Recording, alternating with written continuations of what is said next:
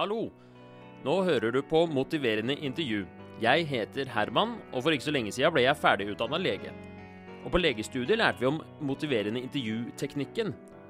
Og det inspirerte meg til å lage denne podkasten, hvor jeg da kan prøve å hjelpe helt vanlige folk med helt vanlige problemer.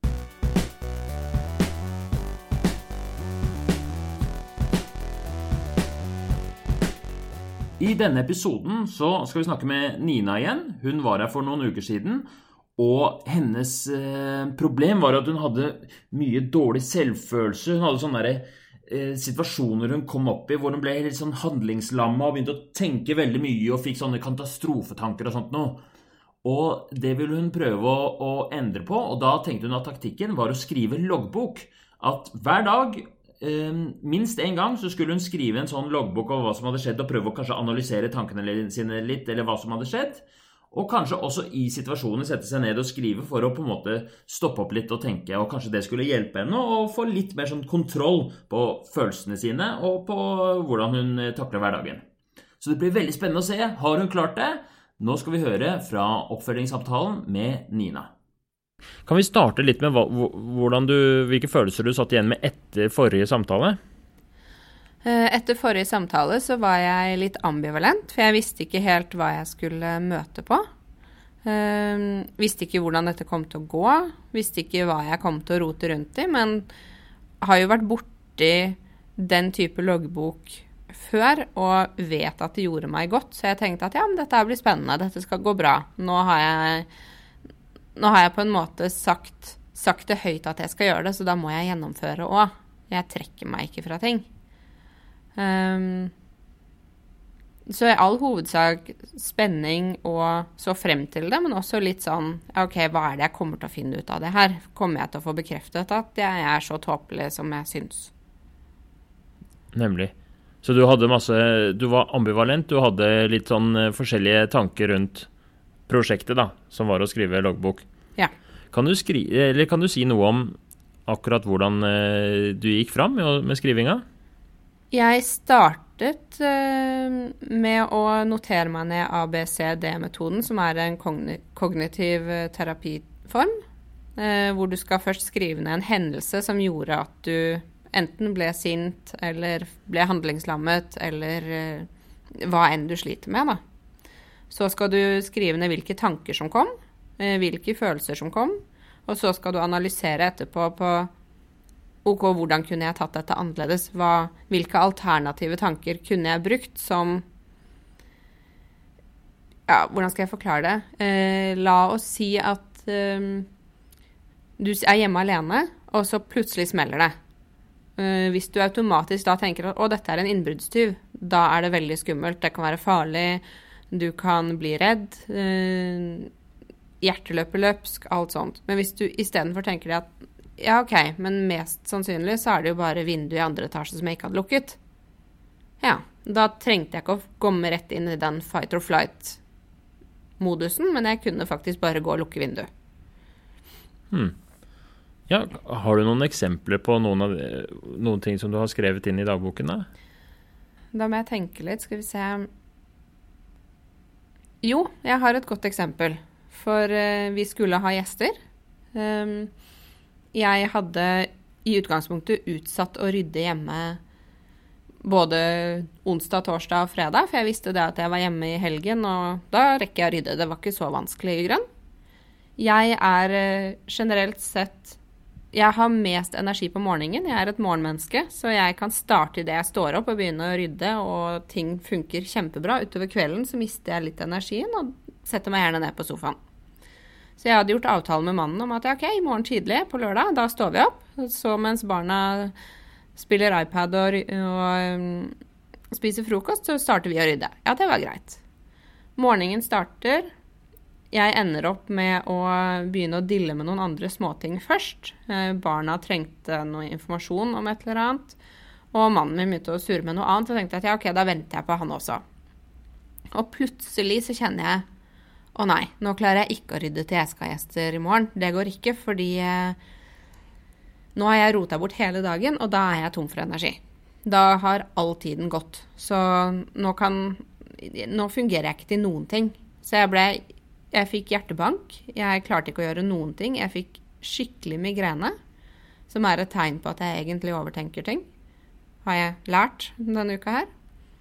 Ehm, jeg ble sint og lei meg, og jeg ble fryktelig handlingslammet. Tanken på å gå ut av stolen var, eh, var altfor mye for meg å takle. Alt var gærent. Og da var klokka elleve på morgenen. Men da, dagen, da, var dagen min ødelagt. Ok, Så du satte full krisemodus på fikk, Det kokte skikkelig? Ja, jeg kunne like gjerne bare selge ungene på IB eller adoptere dem vekk, fordi jeg var såpass udugelig at dette her funka ikke i det hele tatt. Og ekteskapet mitt kunne like gjerne sies opp umiddelbart, og jobben også, fordi jeg fungerte ikke til noen ting. Alt gikk rett, rett i en full spiral nedover. Jøss. Yes. Så akutt lørdag formiddag klokka 11 så krasja det helt? Ja. Da, men skrev du det i boka, da, eller hva skjedde? Jeg gjorde det på kvelden. Eh, det som, for da var ikke tankene mine i nærheten av å skulle klare å stoppe opp og analysere selv. Da var alt gærent. Men mannen min kjenner meg godt nok og var på riktig sted selv til at han bare satte seg ned og nå, nå hører du på meg. For det er ikke så ille. Og så forklarer jeg hvorfor det er så ille, og så sier han ja, OK, men tenk deg litt om. Hva hva er grunnen til at du ikke kommer til å klare noen ting? Ja, nei, for nå har jeg vondt i hodet, og jeg har ikke energi, og alt, alt går rett og slett til helvete. Så sier jeg OK, men da legger du deg, da, og så rydder jeg. Nei, nei, for da må du gjøre alt, og det er ikke sånn at du skal gjøre alt hjemme. Jeg er tross alt Altså, jeg er tross alt en del av denne husholdningen. Jeg har et ansvar. Jeg som kone skal faktisk holde huset ryddig, ha mat på bordet. Alt sånn. Så nei, du kan ikke gå og rydde nå. For da føler jeg meg enda mer dritt. Da, det bekrefter jo bare at jeg ikke fungerer. Sa du det til han, da? Ja. Hvorpå han sier det at ja, men det stemmer jo ikke.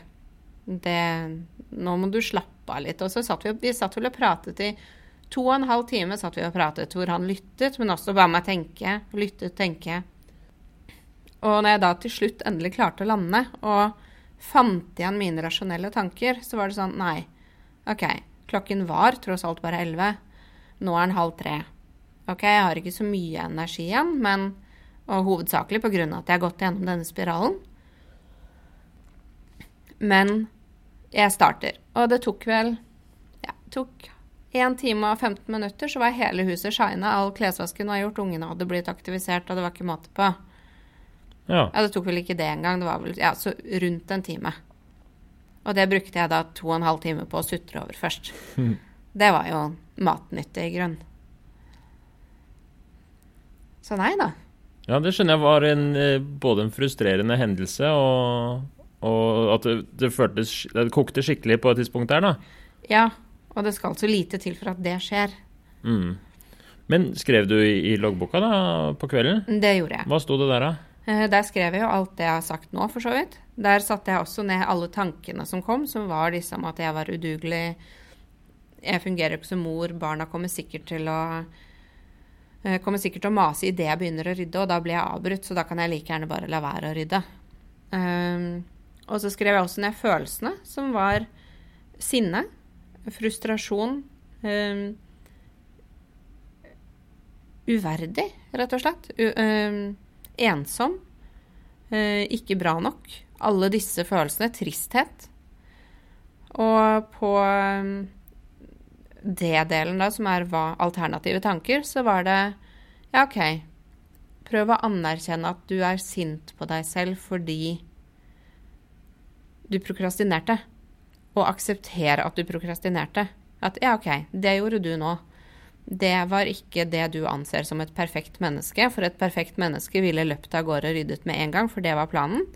Men godta at du er et normalt menneske som faktisk prokrastinerer. Og tenkte at ja, OK, nå har det gått noen timer. Ja, men dette går bra. Og så starter vi. Og så hadde jeg faktisk klart å gjøre meg ferdig på en time istedenfor at det tok to og en halv time å i det hele tatt starte. Mm. At når jeg ser det i retro um, I retroperspektiv, så er det jo ikke så overveldende og farlig som jeg skulle ha det til. Ja, det, du kan på en måte um ufarliggjøre det litt ved å, ved å gå gjennom ved, ved, å bruke den loggboka, så, så, så, gjorde det hele situasjonen litt mindre svær, på en måte? Ja, i grunn. Det fikk meg til å se at det var ikke så ille. Det ser jeg for så vidt i etterkant også. Men så vet jeg også det at etter at jeg har notert ned hver gang dette har skjedd, så har jeg blitt flinkere nå til at idet jeg begynner å kjenne meg overveldet, så er det noe i bakhuet som sier det at vent litt, her er det et eller annet du skal prøve å huske på. Altså, å ja. Alternative tanker. Ja, det var den tanken der, ja. Alternative tanker. Ok, hva kan alternative tanker være her? OK.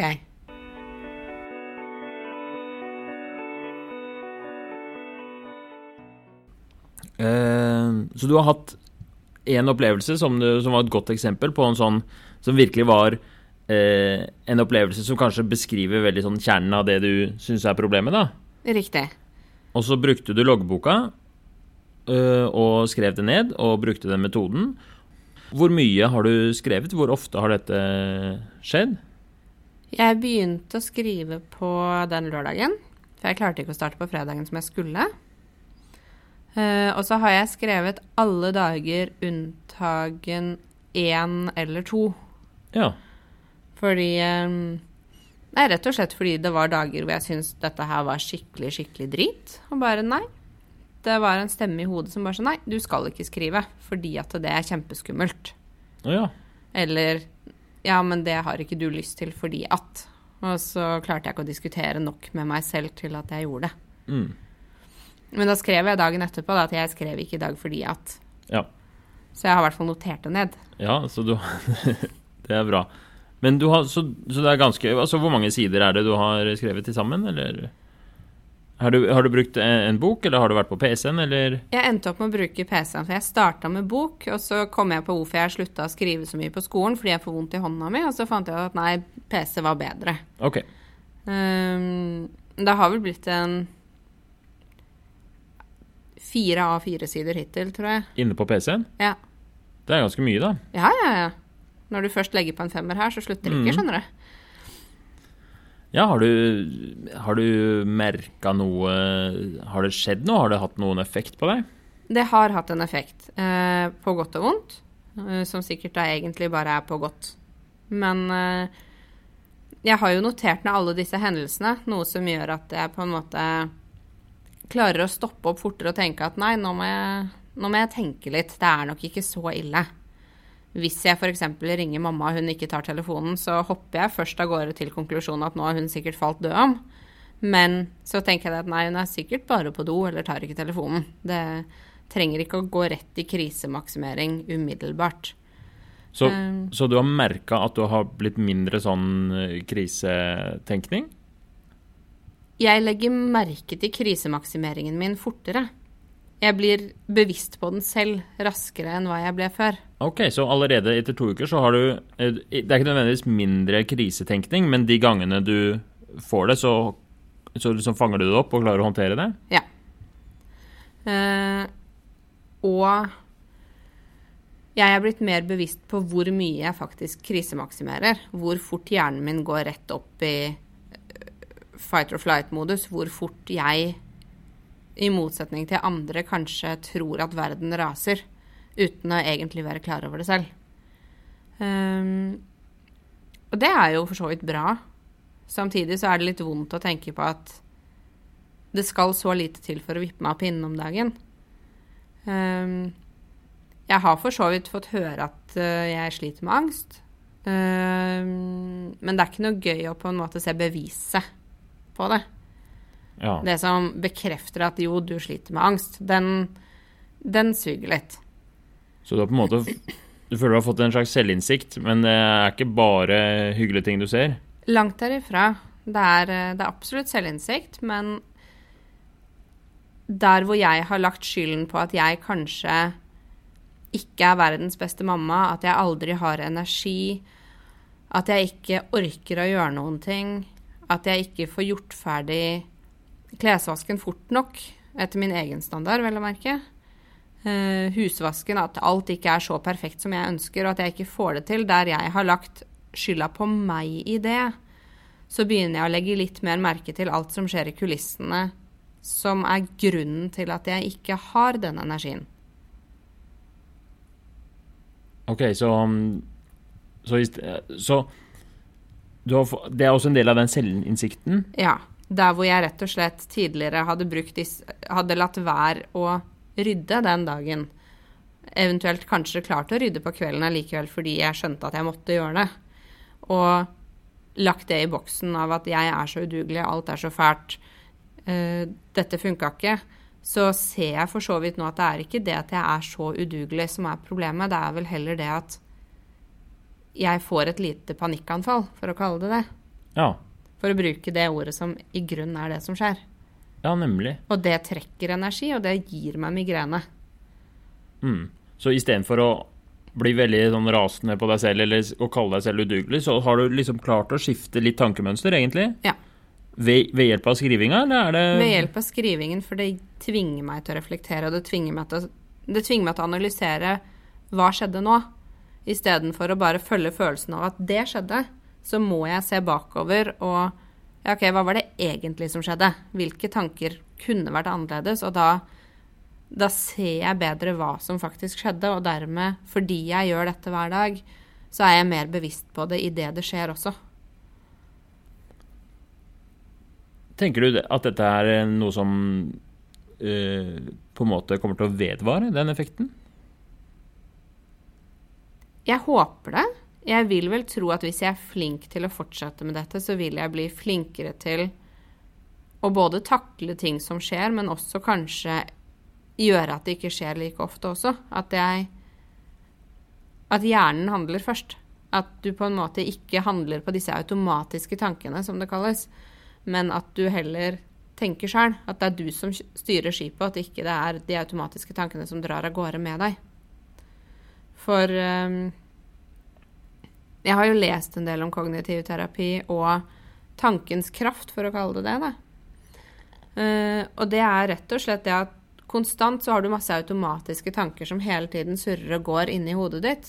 Du fører alltid en indre dialog uten at du nødvendigvis er klar over det selv. Men hvis du tenker litt mer over ja, hvorfor reagerte jeg som jeg gjorde nå, eller hva skjedde her, eller hvorfor ble du plutselig redd, eller hvorfor har du hjertebank akkurat nå, så kan du bli mer bevisst på hva som skjer, istedenfor å bare kjøre av gårde på den automatiske tanken som da blir Som da blir eh, Ja, den instinktive reaksjonen, da. Som Ja. ikke nødvendigvis er riktig. Og det hjelper den loggboka med. Det hjelper veldig mye. Har det vært eh, vanskelig, da? Har det vært eh, slitsomt å føre loggboka? Det har vært helt forferdelig. Ok. Fortell mer.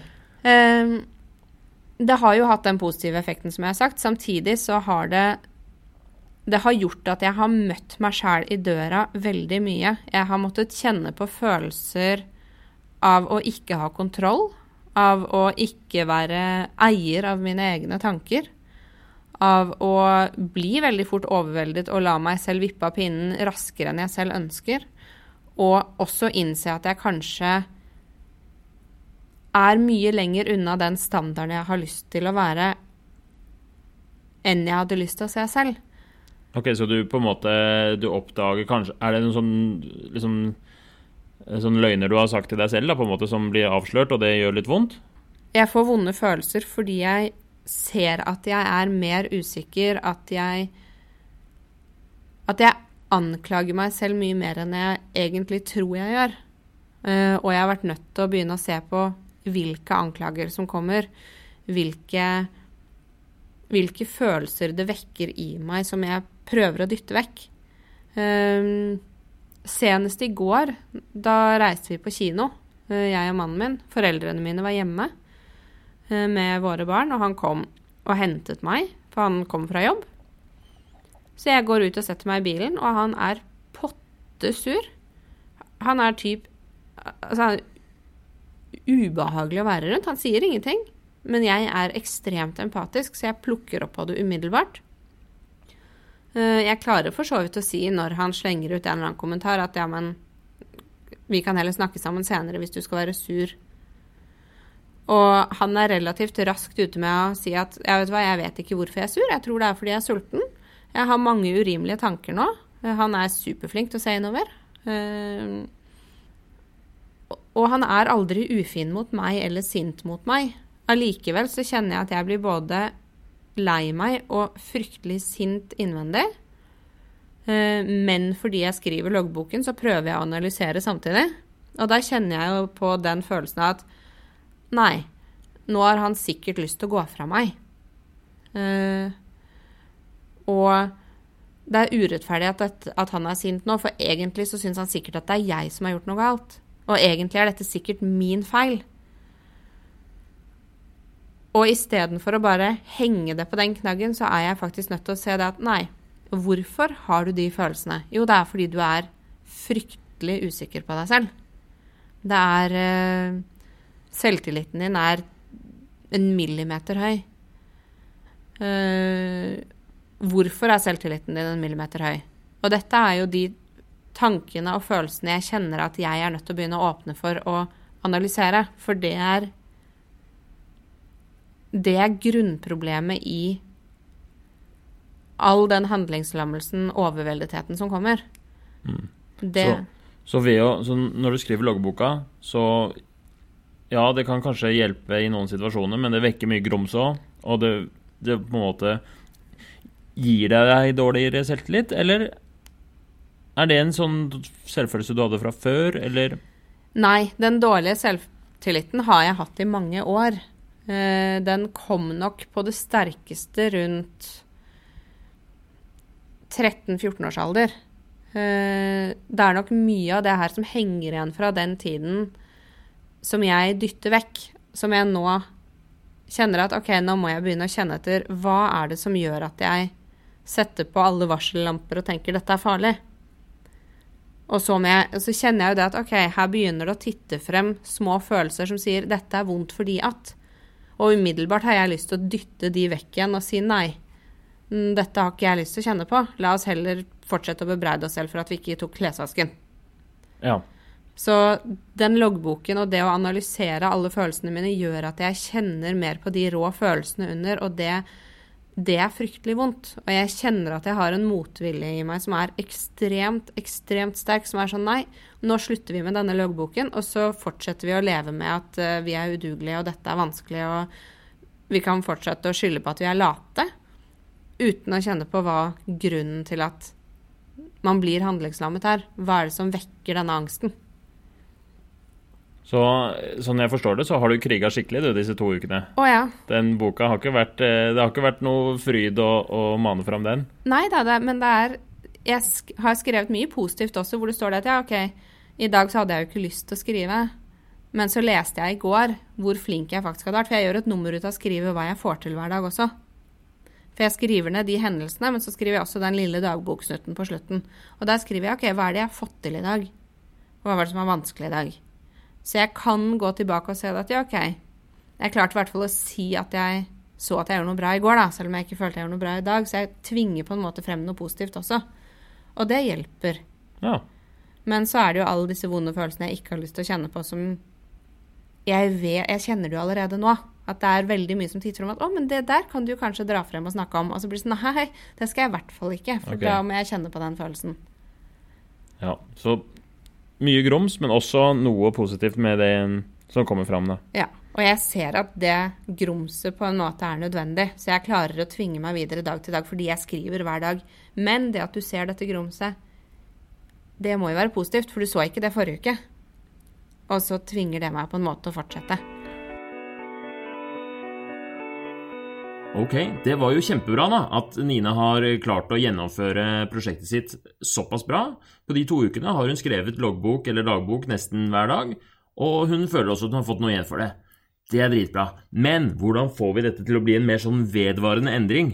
Alle har jo sikkert opplevd at de har gjort noe positivt i et par uker, og så dabber det etter hvert. Det er derfor jeg nå i denne samtalen her er virkelig gira på å bruke en av de viktigste elementene i motiverende intervjuteknikken, som er å fremme change talk, eller endringsprat, hos pasienten. Det som er tanken, da, er at uansett hvor mye du som lege eller terapeut prater om endring og kommer med gode argumenter og gode råd, så har ikke det særlig mye effekt. Det som har effekt, er å få pasienten selv til å snakke om endring. Det kan være positiv endringsprat eller negativ endringsprat, men uansett, så lenge du får pasienten aktivert til å bare stå i disse problemstillingene og bare snakke om hva hun vil, hva hun er redd for, hva som er vanskelig, hva som er bra, hva hun håper, det er det som virkelig hjelper. Vi har snakka mye om hvordan det har føltes å skrive loggbok disse to ukene. Og det har vært tungt for deg. Du har kjempa skikkelig. Du har fått en del sånn gode effekter av det, og så har det vært vanskelig. Men er, er du glad for, eh, glad for at du har gjort det, eller? Ja. Det er jo der jeg føler at jeg er delt i to, fordi egentlig så er jeg det, men så er det en eller annen følelse langt nede i magen som sitter og skriker nei, nei, det er vi ikke glad for. Og så ser jeg litt på den følelsen, og så føles det ut som det sitter en tolv år gammel Nina der og bare Nei, den her åpner ikke jeg for. Jeg er ikke interessert i å åpne opp for det her i det hele tatt. Men jeg ser nå i hvert fall at det er Det er en annen del av det. Så jo, jeg mener at det er veldig positivt. Ja. Så du angrer ikke? Nei. Er du stolt, da? Det er jeg. Og i hvert fall fordi jeg står i det selv når jeg ikke har lyst. At det er en deilig følelse når du har klart å gjennomføre noe som du ikke hadde lyst til? Det er det. I hvert fall når man ser at det, selv om det går sakte fremover, så ser jeg fremskritt. Mm. Og dermed så tenker jeg at OK, det er bra. Ja, for det var viktig for deg å se en effekt. Ja, Du sa det, du var veldig redd for at det ikke skulle virke, eh, husker jeg. ja, eller at jeg skulle få bekreftet at jeg er så udugelig som jeg er. Og det har jo strengt tatt motbevist, at det er jo aldeles ikke så mye negativt som jeg har sittet og følt på. Så ser jeg jo det over disse to ukene at jeg får jo faktisk til kjempemye hver dag. Og jeg krangler med ungene hva da? En gang i uka. De hører jo etter, og selv om jeg føler at jeg ikke beholder At ikke jeg er der godt nok for dem, så tror jeg ikke de merker det sjøl engang. For det ser jeg underveis vi har gjort denne loggbokføringen, at jo, jeg gir jo faktisk veldig mye av meg selv. Det, det skorter heller på andre områder. Det gjør meg veldig godt å høre, for jeg husker fra forrige gang det var ganske det var ganske, Du var veldig streng med deg selv på, på et tidspunkt der. Fryktelig. Og det var litt vanskelig å høre på, men eh, jeg syns det er veldig fint å høre eh, at du snakker litt vennligere til deg selv. Ja, jeg tror nok at Utvendig så tror jeg nok at jeg fungerer veldig, veldig bra. Men så må jeg vel begripe fatt i alt det som er på innsiden istedenfor nå, da. Men har du lyst til å fortsette med loggboka, da? Det har jeg. Det kommer jeg til å gjøre òg. For jeg kjenner at det er vanskelig og vondt å gjøre det, og det forteller meg at det er riktig å gjøre det. Ja. Tror du du kommer til å klare det? Ja, kanskje. Håper det. Jeg håper at jeg er den som kommer særende ut av det her. Ja. Jeg kan ikke si nå at selvfølgelig dette blir kjempelett, for det har jeg jo lagt merke til at det ikke er. Men motivasjonen er noe der fortsatt. Ja. Så, så bra. Spennende. Det blir veldig spennende å følge med. Vi skal ha en samtale til på et tidspunkt, litt seinere. Om noen måneder. For å høre litt hvordan det har gått, om det har vært noe Om du har klart å på en måte um, gjøre det til en vane, eller For det, det virker på meg som du har litt lyst til da, at dette skal bli en sånn fast ting i livet ditt. Ja, jeg tror det er en positiv ting, for da hvis jeg sitter der en ettermiddag og føler at ting er skikkelig, skikkelig kjipt, så kan jeg på en måte se tilbake at ja, men du har faktisk klart det og det og det denne uken her. Det trenger jo ikke være noen lange avhandlinger hver gang, det kan være to-tre setninger. Bare for å på en måte opprettholde til hjernen er med på det sjøl. Ja. Om At- ikke annet så har du i hvert fall ført loggbok. Og det tror jeg er lurt. Spennende. Nei, jeg jeg syns dette her var veldig gøy å høre om. Og du har tatt eh, noe som var eh, i, I begynnelsen var et litt sånn abstrakt problem, eller i hvert fall veldig inni deg, da. Og gjort det om til en sånn konkret ting som du bestemte deg for å endre på. Og så har du gjennomført det nå i to uker. Og så har du til og med fått eh, en viss effekt, da, selv om det har vært tungt. Ja. Og så har du, sier du at du er motivert til å, å prøve å fortsette å, å holde Jeg er veldig motivert. Eh, Jeg syns det, er- eh, det er smart, og jeg tror det kan Altså, jeg tror det kan bidra til så mange ting. Uansett hva man sliter med i livet, så tror jeg det kan være lurt bare for å Det er vanskelig å se tilbake og tenke OK, hva var det jeg gjorde den uken her som var så bra? Da er det greit å ha bare satt seg ned og Ja, OK. Det, det og det og det har skjedd. Jeg gjorde det samme når barna var små, for jeg følte at de aldri sov. Så jeg førte loggbok over når ungene sov, og da kunne jeg den natten hvor barna skreik hele natta, jeg tenkte at jeg har aldri sovet, jeg. Se tilbake at ja, OK, forrige uke så var det ikke så ille. Det var to-tre dager, og så roet det seg igjen, og da er det det er lettere å holde motet oppe hvis du kan se tilbake og se det at ja, OK, her står det faktisk sort på hvitt at det var ikke så ille. Mm. Ikke la deg selv falle ned i dette hullet, fordi se på det du har satt opp tidligere at ja, det føles tungt akkurat nå, men se på det som står der. Det var ikke så ille. Men eh, da lurer jeg på, når, når du har denne forholdsvis gode erfaringen med å føre loggbok, så er det kanskje noen av de som hører på, som har lyst til å prøve det samme, eller som kanskje har et lignende problem og kunne tenke seg å, å føre en loggbok eller skrive dagbok eller noe sånt noe. Og Forrige gang så snakket vi litt om at du skulle få en lekse, om kanskje eh, gi noen råd til, eh, til, de der ute som har lyst til å begynne med det. Har, har du eh, tenkt noe på det? Det har jeg. Og det er todelt, det også. Det å føre en liten dagbok tror jeg kan være kjempelurt. Det Det gjør det enklere å sortere tankene, og det gjør det enklere å titte bakover. Så når du når du tenker at oi, dette har vært tungt og vanskelig, eller dette klarte jeg kanskje ikke så bra, så er det lett å si at jo, jeg fikk det faktisk helt OK til, eller nei, jeg fikk det kanskje ikke så bra til, men da er det forbedringspotensial her. Uansett om det går bra eller dårlig, så har du på en måte lagt ned noen tanker om det, og dermed så er det lenger fremme i hjernen.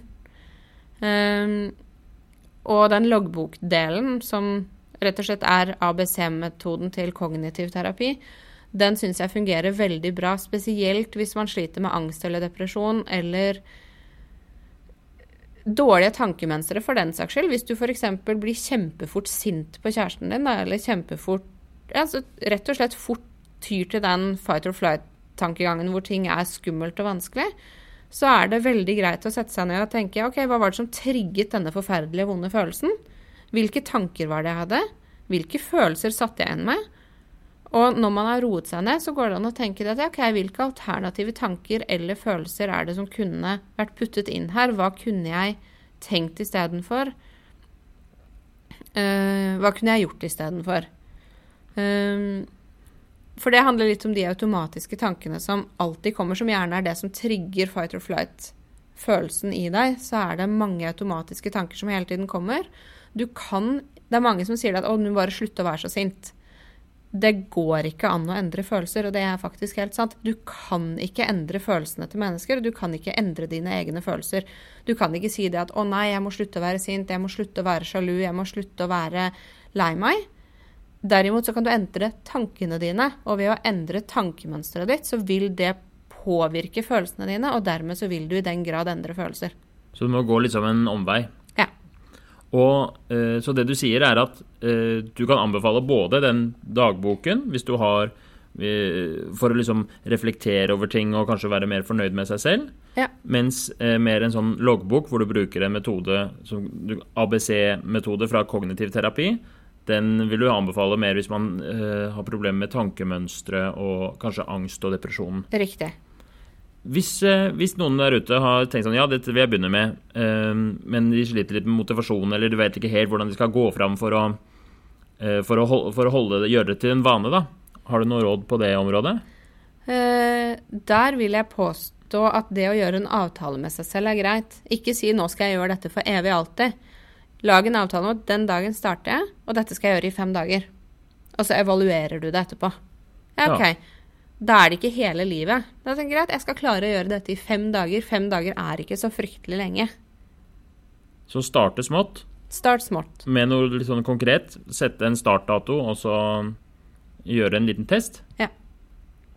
For er, det, er lett, det er, litt sånn som da jeg gikk ned i vekt. Jeg tenkte ikke det at nå skal jeg legge om livet for evig og alltid. Det var mer sånn OK, jeg starter med det på denne måten, og så endrer jeg denne og denne delen sakte, men sikkert. Og plutselig så var jeg inne i en fryktelig god del. Du kan ikke endre alt på en gang. Hvis du gjør det og tenker at nå skal jeg gjøre dette for evig og alltid, da går det ikke. Det blir det samme som AA, det hvor det er én dag av gangen. Du går ikke til en alkoholiker og sier nå skal ikke du røre en dråpe alkohol igjen. Du sier at ja, nå skal du klare å holde deg én dag, da. Og det er motto der òg, for den saks skyld. Én dag av gangen. Og så jobber man seg fremover på den måten. Det, tror, det er det som har holdt meg gående i den loggbokføringen også. Det er at OK, jeg skal i hvert fall skrive i dag, da. Selv om jeg ikke har lyst, så kan jeg i hvert fall skrive i dag, så kan jeg la være i morgen, da. Og så kom morgendagen, og så sa OK, jeg skal bare, skal bare gjøre det i dag også, da. Ja, det tror jeg høres, det høres veldig lurt ut. Og, og på en måte ta en dag av gangen, og ikke sette seg liksom så utrolig langsiktige mål, men fokusere litt på på det liksom OK, denne uka skal jeg iallfall få til. Eller denne, disse tre dagene eller fem dagene skal jeg klare å gjøre dagboka. Har du noen andre gode råd? Uh, stå i det selv om det gjør vondt. Fordi det vil gi resultater uansett. Ja vel, så er det kjipt akkurat der og da. Det er ikke kjipt for evig. Ehm, og det koster deg ikke så mye, i hvert fall ikke når det kommer til den loggboka, så koster det ikke så fryktelig mye å sette av fem minutter til å skrive ned, selv om jeg er kanskje ikke den første til å si det, for det var til tider jeg syntes det kosta altfor mye. Men OK, La oss si at du syns det koster for mye, og så gjør du det ikke den dagen. Da har du ikke ødelagt det for evig og alltid. Ok, da gjør du det dagen etterpå, da. Ja vel, jeg klarte det ikke i går, i dag skal jeg få det til. Du har ikke ødelagt alt bare fordi du ikke gjorde det én gang. Ja. Og det tror jeg er viktig å holde ved, for jeg har vært litt der at å nei, nå fikk jeg det ikke til, så da kan jeg like gjerne la være. Men så tenkte jeg at nei, jeg skal ikke tenke på denne måten akkurat denne gangen her. Og det hjelper. Fordi det, er, det kan være litt tungt og kjipt å skrive dagbok, og du kan dukke fram grums, og det kan hende hver dag du ikke får det til. Og da sier du ikke vær for hard med deg selv. Bare fortsett. Prøv en gang, prøv igjen i morgen. Prøv igjen i morgen. Det er eh, Det vil være ubehagelig. Det er ikke noe Det er ingenting her i verden som er en mirakelkur, har jeg funnet ut. Det er ikke sånn Jeg har veldig lyst på den Å, men kan jeg ikke bare få den ene pillen, og så løste det alt? Men det gjør jo strengt tatt ikke det. Det meste her i livet er en jobb. Det meste i livet er en jobb. Det er det. Jeg blir motivert til å skrive, skrive dagbok sjøl, jeg, da. Ikke sant? Det er bare, bare å begynne. Skriv tre dager, og så kan du se om du gidder å fortsette. Ja, vi får se. Men ja, det hadde jeg også lyst til å si, for så vidt. Jeg bare kom til å tenke på det, dette med loggbok eller dagbok. Om du så har barn som ikke sover, eller ting som er veldig vanskelig med barn òg, for den saks skyld, så er det supert da òg, for da kan du skrive det at ja, men i dag sov han så lenge. I dag så sov han så lite. I dag så sov han bare den tiden. Og så kan du se tilbake og se det at ja, OK, nå har han ikke sovet på fem dager. Men han sov tre dager før det, så da kommer det kanskje tre dager til igjen i fremtiden, da. Så det kan brukes til så mange ting, har jeg lagt merke til. Mm. Så akkurat med For du har erfaring med det selv? Det med, for det har vært tidligere en gang, Ja, når barna dine ikke sov så godt. da de var små. Mm. Så du får, du får måte, ved å få det, den oversikten og få det ned svart på hvitt, så blir det lettere å ikke få helt panikk. Det er lettere å cope, rett og slett. Du går ikke umiddelbart inn i den at nå kommer de til å hylgrine til de her 18 år gamle tanken, eller ja, OK, selv om vi kranglet akkurat nå, så kommer vi aldri til å løse opp i det, fordi du vet at nei. Ja, det er et lass klesvask her. Det, det går over, det òg. Bare du tar en vask. Det høres veldig bra ut. Jeg er eh, solgt inn på dagbok. Er det bra? Hvis jeg får meg noen gråtende barn noen gang, så skal jeg logge alt, alt av søvn de mangler.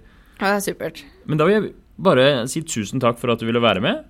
Takk selv. Det var koselig å få muligheten. Håper dere du syns denne episoden var bra. Podkasten er laget i samarbeid med Selma Moren, som er da produsent. Hun klipper dette sammen og gjør en kjempejobb. Fikser studio og alt sånt, og det hadde ikke vært mulig uten henne. Og jeg har også fått god hjelp av bl.a. Sindre Leganger, som er en slags sånn mentor for meg. Han har lagd masse podkaster før og hjelper meg å komme med tilbakemeldinger. Og tusen takk til Nina som var med og har brettet ut fra livet sitt og vært veldig modig og ærlig, og det er kjempekult at, eh, at hun ville være med. Neste episode kommer snart. Ha det bra!